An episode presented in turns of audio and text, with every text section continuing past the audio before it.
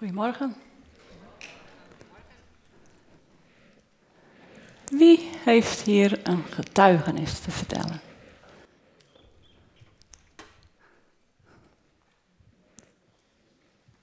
Ik denk, gooi hem er gewoon in. Oeh, wat sta ik hard, of niet?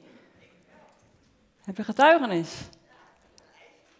Wil je iets delen? Kom maar op. Ja. Ik had hem even uitgedaan. Wat mooi om getuigenissen te horen. Het lied dat we straks zingen is ook Ons getuigenis is rijk, stond er zoiets. Ik denk niet dat ik het nummer ken, maar het is wel waar. Het is zo belangrijk om te getuigen. Ik had nog niet echt een onderwerp voor de preek. Of een, uh, hè, dat moet ze straks uh, opschrijven. Maar ik dacht, kijk met hemels perspectief.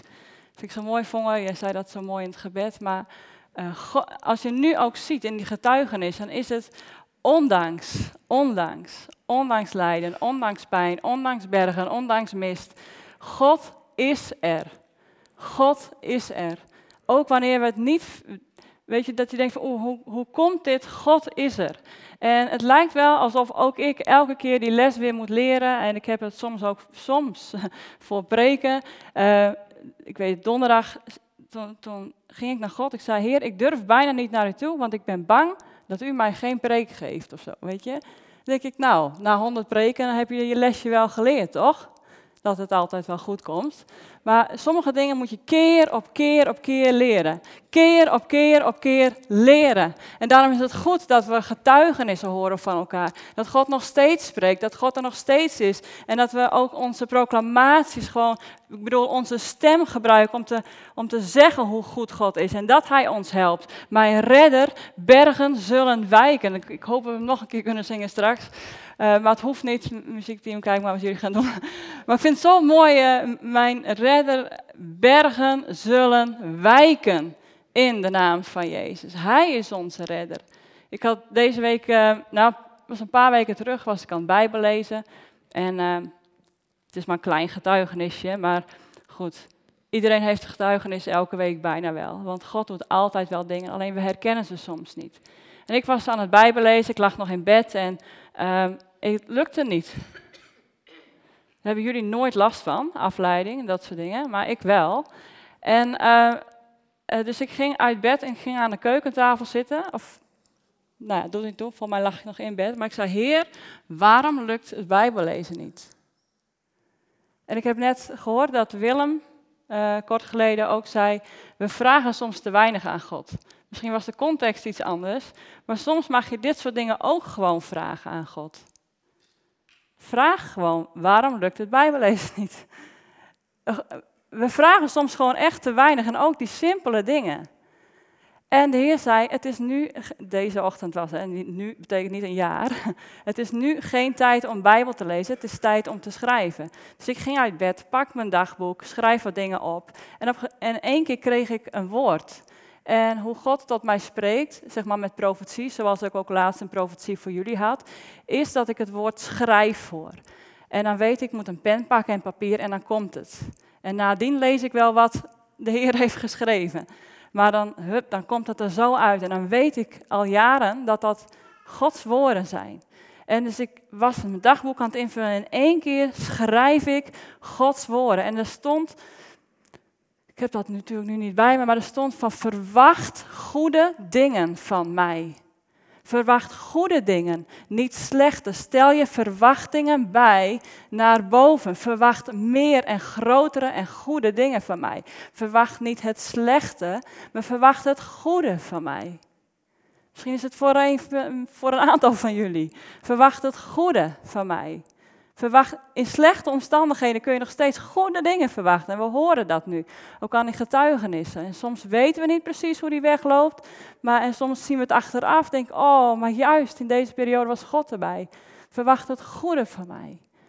En in de twee weken daarna kwamen er best wel een aantal dingen in mijn leven uh, die ik hoorde of die ik beleefde. Dat ik denk, dat kan best intimiderend zijn. Maar omdat God gesproken had, wist ik, ik, ik verwacht het goede dingen van Hem. Ik verwacht goede dingen van Hem. Ik laat niet toe dat deze situaties mijn dag intimideren. Een gewone huishouddag kan ook al intimiderend zijn hoor, soms. Ik bedoel, vrouwen toch? Uh, maar uh, laat, ik laat me niet intimideren door dingen die gezegd zijn, die gebeuren, door ziekte, door, door beperking, door, weet ik, noem maar op, uh, opvoeding. Weet maar dat we ons niet laten intimideren. En ik was aan het wandelen, wandelen gaat momenteel goed. Als jullie weten, ik heb wat problemen met mijn bekken, maar nu zit ik op 40 minuten wandelen, s ochtends. En dat doe ik soms ook proclamerend. En je kent dat lied, hè? Ik vermag alle dingen in Hem. Ja, die mij kracht geeft. En dus ik was zo aan het bidden en mijn bidrondje momenteel is uh, dat je gewoon in tongentaal bidt. En gewoon God dankt. Gewoon lekker buiten ben ik aan het wandelen. En, en gewoon God danken. En eens dacht ik, maar ik verwacht goede dingen. Ik moet goede... Oh, valt er iets? Oh, hier, ja, ik heb hem. Ja, maar uh, verwacht, ik dacht, ik moet goede dingen verwachten. Dus op een gegeven moment kwamen die, die, die de issues die we allemaal hebben in het leven, die kwamen even in gedachten. Ik denk, nee, maar ik verwacht, de Heer heeft gesproken, verwacht goede dingen van mij. Stel je verwachtingen bij, naar boven, verwacht goede dingen van mij. Verwacht goede dingen. Dus ik had die zin en dat liedje in mijn hoofd, ik verwacht ik vermag alle dingen in Hem die mij kracht geeft. En ineens veranderde die tekst voor mij. Ik weet niet of het geoorloofd is om bijbelteksten te veranderen. Maar uh, dit was gewoon mijn liedje. Laat ik het dan daarop houden. Ik denk, ik verwacht goede dingen van Hem die mij kracht geeft. Ik verwacht goede dingen van Hem. Oh, leuk, doe maar. Ik verwacht goede dingen van Hem die mij kracht geeft. Ik verwacht goede dingen van Hem. Hey. Nou, een rijdanser achteraan, hè, Polonaise. Dit is het. We mogen goede dingen van hem verwachten. Het is zo mooi. Er zijn zulke mooie profetieën uitgesproken. Dat, dat er een stromen van nieuw leven, een stromen van nieuwe liefde deze gemeente in mogen vloeien. Door Gods geest. Ja, ik heb de Sifra gelezen. Dus Janetta had er eh, vorig jaar al een, een, stukje profetie. Vorige keer had ik een woord van God. En uh, Willem die vertelde ook eens even, er is iets nieuws. Uh, er gaat iets nieuws komen. Uh, zie je het al? Nou, soms zien we het nog niet. Maar we verwachten goede dingen van hem. En ik bid en ik hoop dat je ze ook in jouw eigen leven verwacht. Ongeacht omstandigheden. Want het is niet altijd alle omstandigheden weggehaald worden, maar verwacht goede dingen, ook in de omstandigheden. Kijk met hemels perspectief naar de dingen. Halleluja. Halleluja. We gaan een verhaal nog even lezen. Uh, en ja, ik ben een beetje bang dat ik dat verhaal al eerder heb gebruikt. Maar dat is dan in ieder geval meer dan vier jaar geleden, voor zover ik mijn computer mag geloven. Uh, Even kijken hoor. En dat is het verhaal van David en Goliath. Uh, oh nee, alweer. Uh, ja, ja, doe maar even. Maar we gaan het wel lezen. Kijken met hemels perspectief. En juist als God spreekt, hè, als, als er een woord komt van leven, dat, dat je hoort wat God wil doen, dan is de tegenstander als de kippen bij om dat al even in de kiem te smoren voordat het überhaupt tot bloei komt, en voordat het überhaupt tot zichtbaarheid komt. En ik merk dat in mijn eigen leven. Ik heb een woord van God ontvangen dat er genezing zal komen. En als je dan vier maanden lang eh, weinig ziet, hou dan maar vol. Dat is, dat is moeilijk soms. En dan kan je soms geïntimideerd voelen door uh, zaken. Maar dan is het zaak om vol te houden. En zo kwam ik bij dit verhaal, dat ook wel deels gaat, of grotendeels over intimidatie. En we lezen het verhaal niet helemaal, want ik ga ervan uit dat jullie het kennen. Ja, fijn. Ja, hartstikke mooi. Dus dat gaat over Goliath uh, en de Filistijnen en Israël en de de, de Israëlieten zeg maar, en de Filistijnen en de Israëlieten zijn in gevecht. Dus hier heb je de Israëlieten, daar heb je de Filistijnen. Uh, en daar komt een gevecht. En in sommige gevechten, dan werd er soms uit e-, beide kampen één persoon gehaald, één strijder. En dan was het één op één gevecht, zodat niet twee hele legers uh, vernietigd werden. Dat zag je soms. En jullie weten dat in het kamp van de Filistijnen één grote reus was, Goliath, drie meter hoog en een zwaard of zoiets, weet ik het. Een borstpanzer van 55 kilo, werkelijk. Ik heb al moeite met de boodschappen tellen. Uh, weet je, uh, de speer was alleen al 6,5 kilo. Dat is ook nog meer dan een boodschappentas. Maar eh, dus eh, immens. En dan zie je, en dan lezen we even, wat dit doet met, de, met een getraind leger. Oh, uh, in 1 Samuel 17. En hou ook in gedachten een getraind leger. Wij zijn ook een getraind leger van God. Ja? Uh, ik, lees een ik lees niet alles, maar ik lees een aantal versen. En dit is het moment dat Goliath naar voren komt. Je moet je voorstellen dat daar een heuvel is en daar een heuvel. En dan heb je hier een dal. Dus hij, Goliath, loopt die heuvel af en, en, en komt als het ware op de Israëlieten af. En dan zoomen we in. en dus dan zegt hij, hij bleef staan en hij schreeuwde naar de Israëlieten. Hebben jullie een heel leger nodig om hier te vechten? Ik vertegenwoordig de Filistijnen in mijn eentje. Kiezen jullie uit de mannen van Saul ook een vertegenwoordiger? Saul was de aanvoerder van het andere leger. En dan zullen wij dit in een man tegen man gevecht uitvechten. Als jullie man erin slaat mij te doden, zullen wij jullie slaven worden. Maar als ik hem dood, moeten jullie onze slaven worden. En hier komt het. Ik daag de legers van Israël uit. Stuur mij een man die tegen mij wil vechten. En toen Saul en zijn mannen dit hoorden, raakten zij ontmoedigd en werden bang. Er staat, andere vertaling staat ontsteld en zeer bevreesd. Met andere woorden, wat ze horen, het kwam binnen. Anders word je niet bang, weet je. Dan doe je, een vriendin van mij zegt altijd. Of wie gezegd, één oor in, andere oor uit, weet je. Maar dit kwam kennelijk binnen, want er is een, vrees. Ah, het, het, klemt. En dan gaat dat door en David, uh, weten jullie, ik ga, jullie weten allemaal dit verhaal toch? Ja, oké. Okay. Uh, nu durf ik niemand meer nee te zeggen. Dus David, de jongste van allen, die eerder al gezalfd was tot koning, maar gewoon nog schaapherder was, uh, die wordt naar zijn broers gestuurd om te kijken hoe dat gaat in die oorlog. Uh, dus hij wordt zijn vader daar naartoe gestuurd en, en gaat polshoogte nemen in, bij dat leger van wat is er gaande. Um, en dan lezen we even opnieuw. David liet zijn bagage achter bij een kwartiermeester en meldde zich snel onder de soldaten op zoek naar zijn broers. En terwijl hij uh, met hen praatte en informeerde hoe het met hen ging, zag hij hoe Goliath, en dan, zien we, zien, ziet hij het, hij informeert en hij ziet, zag hij hoe Goliath tussen de Filistijnse troepen naar voren kwam en zijn uitdaging naar het Israëlitische leger uitschreeuwde. En zodra zij, dat is dat leger weer van Israël, zodra zij hem zagen, begonnen de Israëlitische strijders zich uit angst terug te trekken. Zich uit angst terug te trekken. Een andere vertaling staat, zij vluchten weg voor deze berg, voor deze reus, voor deze golven, voor deze mist. Ze vluchten weg. Dit, dit gebeurde met het getrainde leger. Deze reus intimideert een getraind leger. Ze vluchten zomaar. Intimidatie kan enorm overweldigend zijn. Oké, intimidatie is gewoon een woord. Oké, wat doet intimidatie? Het legt je lam. Heb je dat wel eens? Ja, allemaal. Soms legt iets je zomaar lam. Het ontmoedigt. Een situatie lijkt soms ineens absoluut onoplosbaar. Ik help je even. Misschien heb je ineens een identiteitscrisis. Dat je denkt, ik kom hier nooit uit. Het is gewoon onoplosbaar. Werkzaken. Of het hebben van geen werk, bijvoorbeeld. Onoplosbaar.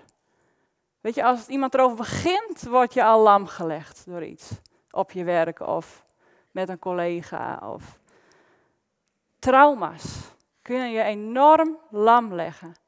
Soms kan iemand iets tegen jou zeggen wat een hele normale zin is, maar het komt enorm intimiderend op jou over. En eigenlijk komt het helemaal niet omdat die ander iets gezegd heeft wat zo raar was. Maar een eretrauma in jouw leven kan zo'n berg, zo'n Goliath zijn die nog niet verwerkt is, dat, dat iets zomaar mega intimiderend op je afkomt en het legt je lam. Het, het, kan je, het ontmoedigt. Kerkzaken, huwelijkszaken, opvoedzaken. Van hoe komt dit ooit goed? Hoe komen we hier ooit doorheen? Hoe moet het met dit kind of wat? Ziekte. Nou ja, als het hebt over intimidator. Ziekte kan, kan zo lam leggen. Ik weet van iemand die heeft diabetes, die zegt, ik heb dan diabetes, maar de diabetes heeft mij niet. Maar als het je wel heeft, kan het je lam leggen, een ziekte. Het zijn ook de grootste geloofslessen trouwens, ziekte, dus weet ik uit ervaring. En uh, daar ben ik ergens ook al dankbaar voor. Je leert dingen niet altijd als alles voor de wind gaat, toch?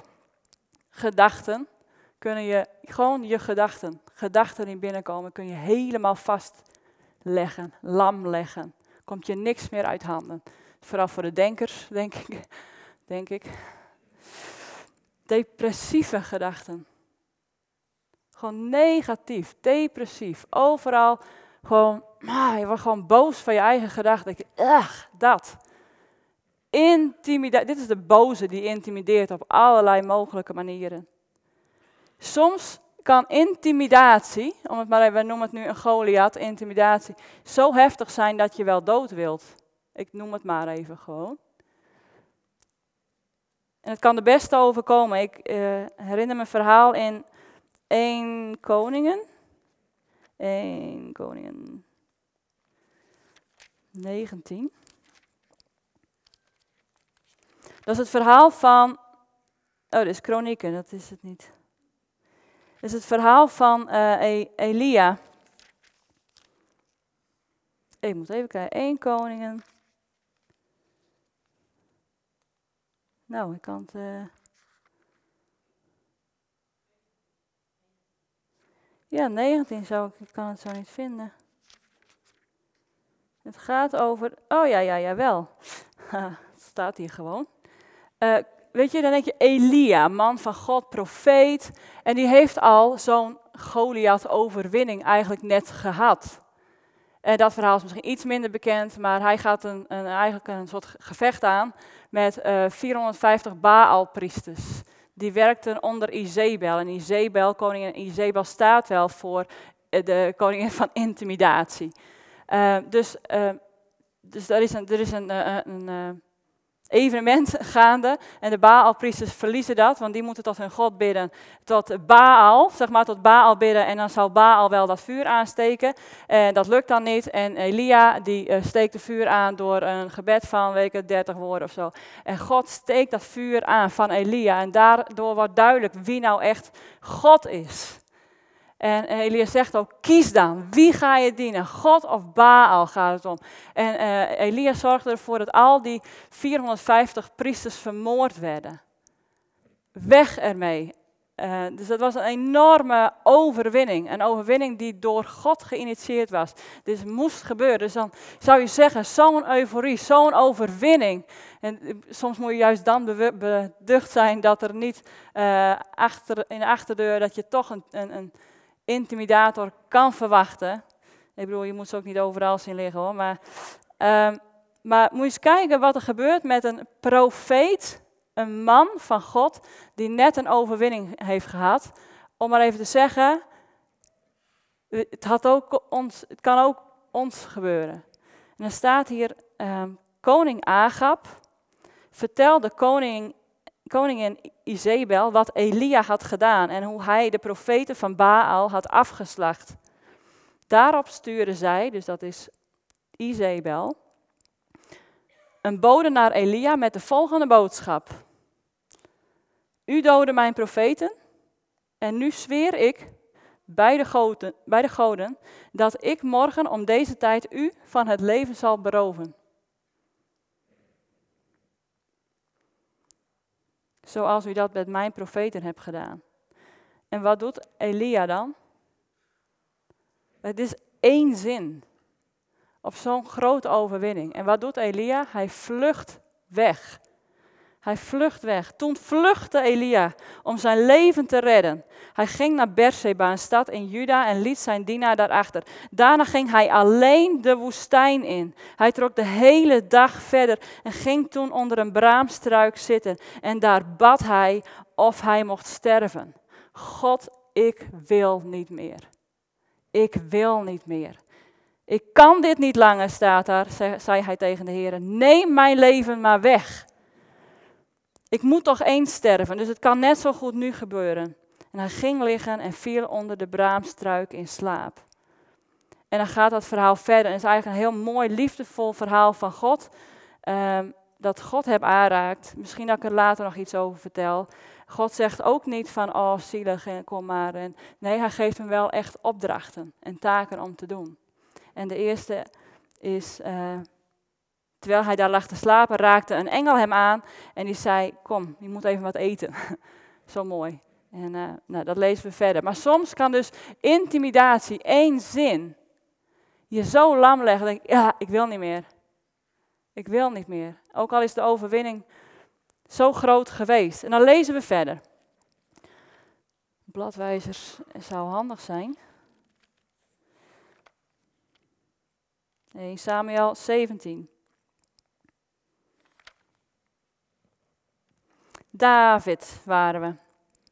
Dus David die ging naar het kamp en die ging informeren. Heb je die kerel gezien? vroegen de soldaten. Hij beledigt, even kijken vers 33. Hij beledigt voortdurend het leger van Israël. En heb je gehoord van de enorme beloning die de, de koning heeft uitgeloofd voor de man die hem doodt? De koning zal hem een van zijn dochters als vrouw geven en hem en zijn hele familie vrijstellen van belastingen. En David die wendde zich tot enkele anderen die in de buurt stonden om te horen of dit inderdaad klopte. Klopt deze informatie? Wat krijgt de man die deze Filistijn doodt en een eind maakt aan zijn beledigingen aan het adres van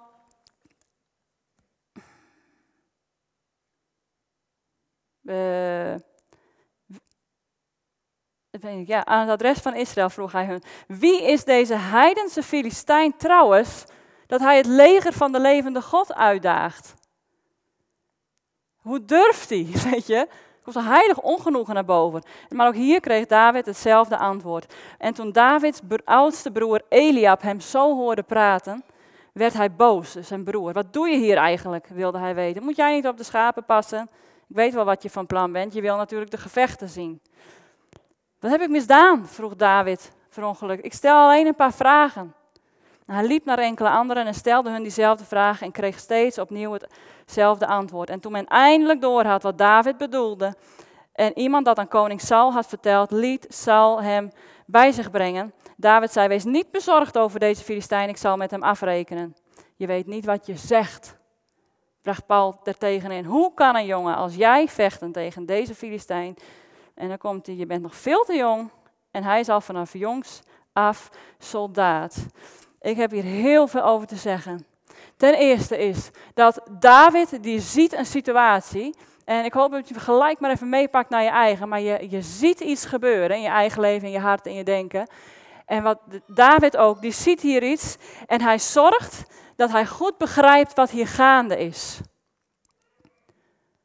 Het is goed om het probleem te identificeren. Je kan niet al je gevoelens en gedachten negeren en er maar overheen proclameren, want dan gaat het wel weg.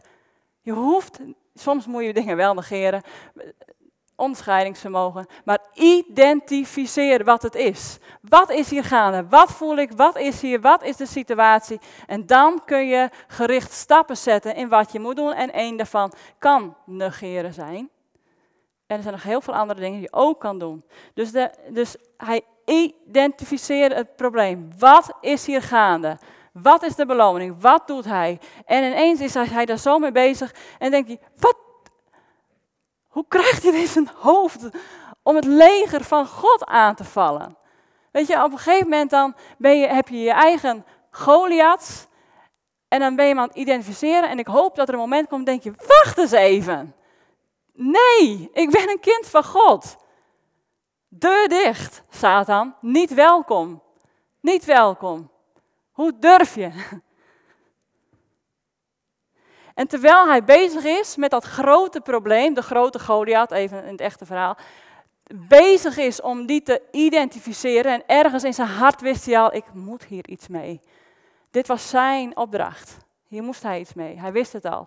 Maar hij, hij bekijkt de situatie even goed voordat hij in actie overgaat. En terwijl hij dus die groot, dat groot probleem probeert te identificeren, gebeuren er twee dingen. Hij wordt op twee andere manieren, via de achterdeur, geïntimideerd. En de eerste is door zijn broer.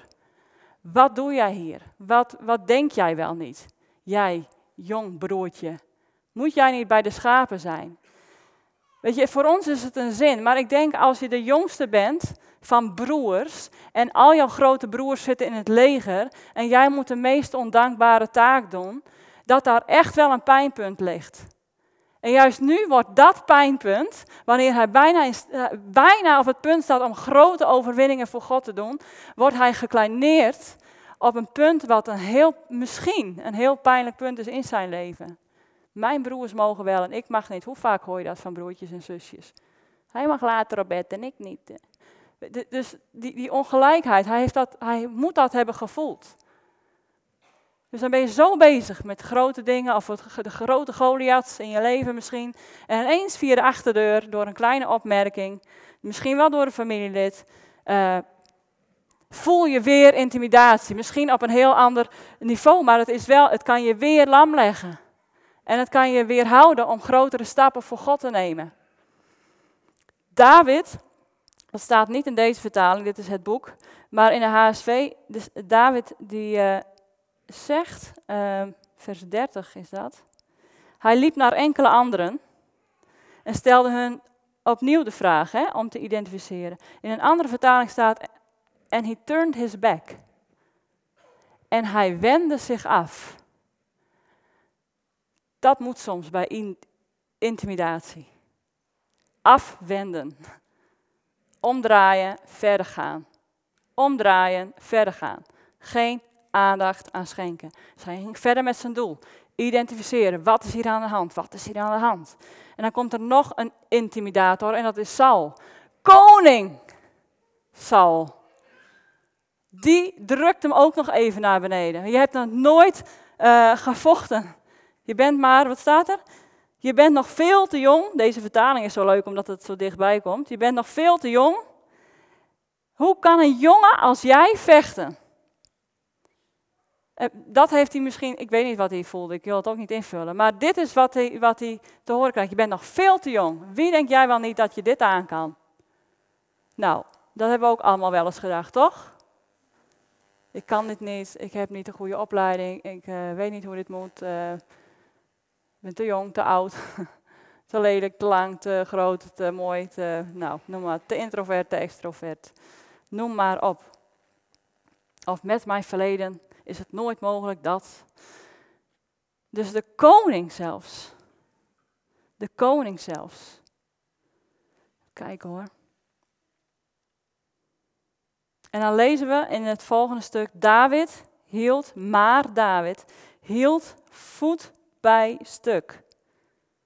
Hij hield voet bij stuk. En dan komt er een proclamatie die heel veelzeggend is.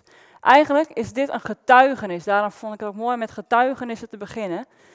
Een getuigenis. David hield voet bij stuk. Hij zei: Ik heb wel meegemaakt toen ik de schapen van mijn vader hoede, dat een leeuw of een beer opdook en een lam greep. En ik ging hem achteraan met een stok om het lam te bevrijden. Toen hij mij aanviel, greep ik hem bij zijn kaak en sloeg ik hem dood. Ik heb dat gedaan met leeuwen en met beren. En ik zal dat ook doen met deze heidense Filistijn, omdat hij de legers van de, de levende God heeft uitgedaagd. Halleluja. Dat staat er niet, Roma. Uh, de Heere die mij beschermde tegen de klauwen van de beren en leeuwen, zal mij beschermen tegen uh, deze Filistijn. Wat een getuigenis. Weet je, de grootste overwinningen, en dat zie je nu ook bij David, worden niet hier behaald, die zijn, waren al behaald. De grootste overwinningen worden behaald in het dagelijks leven. Daar waar jij aangesteld bent. Daar is het waar je op moet komen dagen om de strijd te voeren. Voor David was dat in het veld, bij de dieren. Uh, voor jou is dat, nou die, die dingen hebben we benoemd. Uh, werk, uh, relaties om je heen. Dagen op. en voer daar je strijd. Doe gewoon de dingen die op je pad komen en ga die weg met God. Vraag Hem hulp, maar vraag ook gerichte hulp. Dus niet alleen maar help mij, help mij, dat mag. Vraag gerichte hulp. Waarom kan ik niet Bijbel lezen? Hoe moet ik dit doen? Dank u wel dat u het me laat zien. Verwacht ook dat God gaat antwoorden. Dus David had overwinningen behaald in het gewone leven, uh, wat hem was ja, toebedeeld. Daar had hij al uh, zijn overwinningen behaald. En daardoor had hij nu een getuigenis. Want in het gewone leven heb ik dit en dit en dit behaald, omdat God aan mijn zijde stond. Dus ik ben nu ook klaar om de volgende strijd te strijden. En ik denk dat het goed is dat we ons beseffen dat uh, we hebben allemaal onze strijd. Uh, sta op in je eigen leven. Doe het met God. Deze week, bij iemand bad dat, en misschien vonden we ook wel weer, maar ik sorry maar. Uh, de wereld is, die, die, die moet zien wie de zonen en dochters van God zijn. Iemand bad. Maar de, de wereld ziet rijkhalsend uit naar de, de zonen en dochters van God. Dus we mogen opstaan. We hebben een God, we hebben een redder. En met die redder aan onze zij zullen bergen moeten wijken, hebben we zo'n getuigenis naar de wereld. Maar dat betekent wel, show up in your own life. Weet je, ga staan. Als je depressief bent, dan is verschijnen is gewoon uit bed stappen. Weet je, je hoeft niet te groot te denken, maar zet één stap. Um, of zoek hulp, weet je veel, maar doe het met God. Um, nou, enzovoort. Oké, dan komt Saul erachter. Oké, deze gast die is uh, zeker van zijn zaak en zeker van zijn identiteit. Ben jij zeker van je identiteit? En dan zeggen we allemaal, nou het is heel stil, maar zeggen we allemaal ja uh, met woorden. Maar ben je zeker van je identiteit? Ja. Ik zou eigenlijk, had ik bedacht, een preek te houden over waar het hart vol van is, loopt de mond van over. En je ziet dus onder druk, waar het hart vol, nou dat weet ik niet of je dat zo kan zeggen, maar je ziet onder druk wat er bij de, bij de Israëlieten gebeurt. Angstig. En je ziet onder, onder, onder intimidatie wat er met David gebeurt. Als je een beetje druk geeft, dan zie je wat er echt in zit. En dan zie je identiteit in God. Ik weet wie mijn Heer is. En daarom kan ik deze strijd aan. Dus Saul had het wel in de gaten. Hij zei, goed, ga maar je gang. Eh, de Heer zal je beschermen. En dan krijgt hij de wapenrusting van Saul, past voor geen meter. Wat ik daar maar wil zeggen is, uh, eigen, uh, dit is eigen inbreng. uh, je kan niet iemand anders wapenrusting aandoen. Soms kan het wel een beetje helpen. Weet je, oh, nou, hij deed het op die manier, laat ik het ook proberen. Kan soms, soms werkt dat even. Maar ehm, ehm, Vraag God welke strategie Hij jou geeft voor dit probleem in deze situatie. Want Hij kent jou perfect, beter dan dat je jezelf kent. Vraag Hem om strategie. Saul had de strategie al een beetje klaar voor David, van doe dit maar aan, dan ben je in ieder geval beschermd. Hij heeft het nog gepast. Ik bedoel, kan geen kwaad, even passen. Nee, dat is niet mijn ding.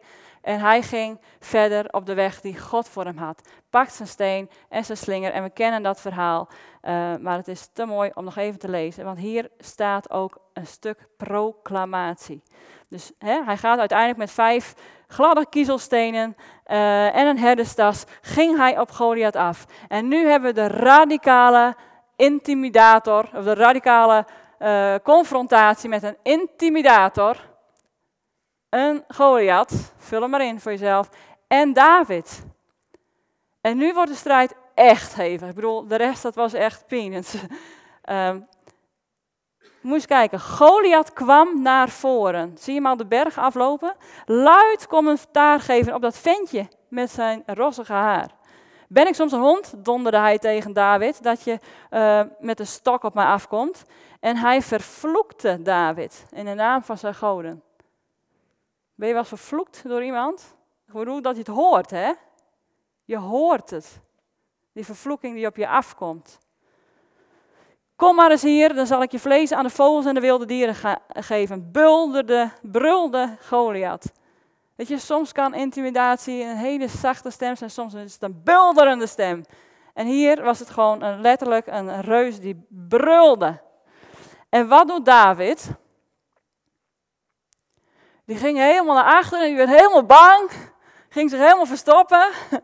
Nee, die werd niet verlamd voor angst. Hij rende naar voren, staat er. En hij schreeuwde ten antwoord. U komt op mij af met een zwaard en een speer en een schild, maar ik kom in de naam van de Heer, van de hemelse legers van Israël. Dezelfde God die u hebt beledigd. En dan komt er een proclamatie waar we veel van kunnen leren. De Heer zal u vandaag overwinnen. Ik zal u doden en ik zal uw hoofd afhakken en de lijken van uw mannen zal ik aan de vogels, lekker luguber, geven en aan de wilde dieren geven. De hele wereld zal weten dat er een God is in Israël. En Israël zal leren dat de Heer niet afhankelijk is van wapens om zijn plannen uit te voeren. Onze God heeft de strijd volledig onder controle. Hij zal u in onze macht geven. Halleluja. Weet je, ik denk dat wij als christenen veel te veel reageren. Uh, ja, als reactie op onze omgeving, maar we mogen reageren vanuit een hemels perspectief. En sommige dingen die kun je niet zomaar, zei ik al, zijn niet zomaar weg te proclameren. Als je het hebt over diepgaande zaken, trauma's die echt meer nodig hebben dan een paar Bijbelversen. Ehm, ik hoop dat ik dat lief zeg zo. Uh, dan kun je nog steeds proclameren. Misschien heeft iemand het nodig omdat ik dat zo zeg. Maar weet je, ook als je, als je echt een probleem hebt, dan kan je ook zeggen, met, met de Heer zal ik dit probleem overwinnen. En misschien is het dan niet precies voor die dag, omdat het niet in één dag kan opgelost kan worden. Maar je hebt nog steeds een proclamatie. Voor God is niets onmogelijk. Ik kan elk probleem aan door Hem die mij de kracht geeft. Hij geeft mij kracht. Hij vult mij met zijn Heilige Geest. Dus elke keer, alles wat je beleeft, muziekteam kan naar voren komen, alles uh, wat er in je leven komt, kun je met positieve woorden, de woorden van God, uh, bestrijden. Of in ieder geval aanvallen. Dus Weet je, jullie zitten in een periode dat je woorden van God krijgt dat je voorwaarts kan gaan.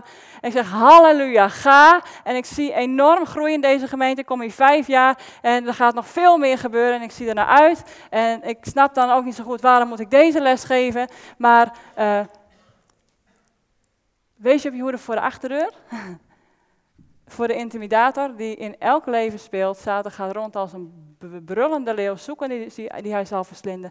Herken bij elkaar waar je uh, geïntimideerd wordt. Help elkaar en proclameer Gods woorden over je leven en over de gemeente.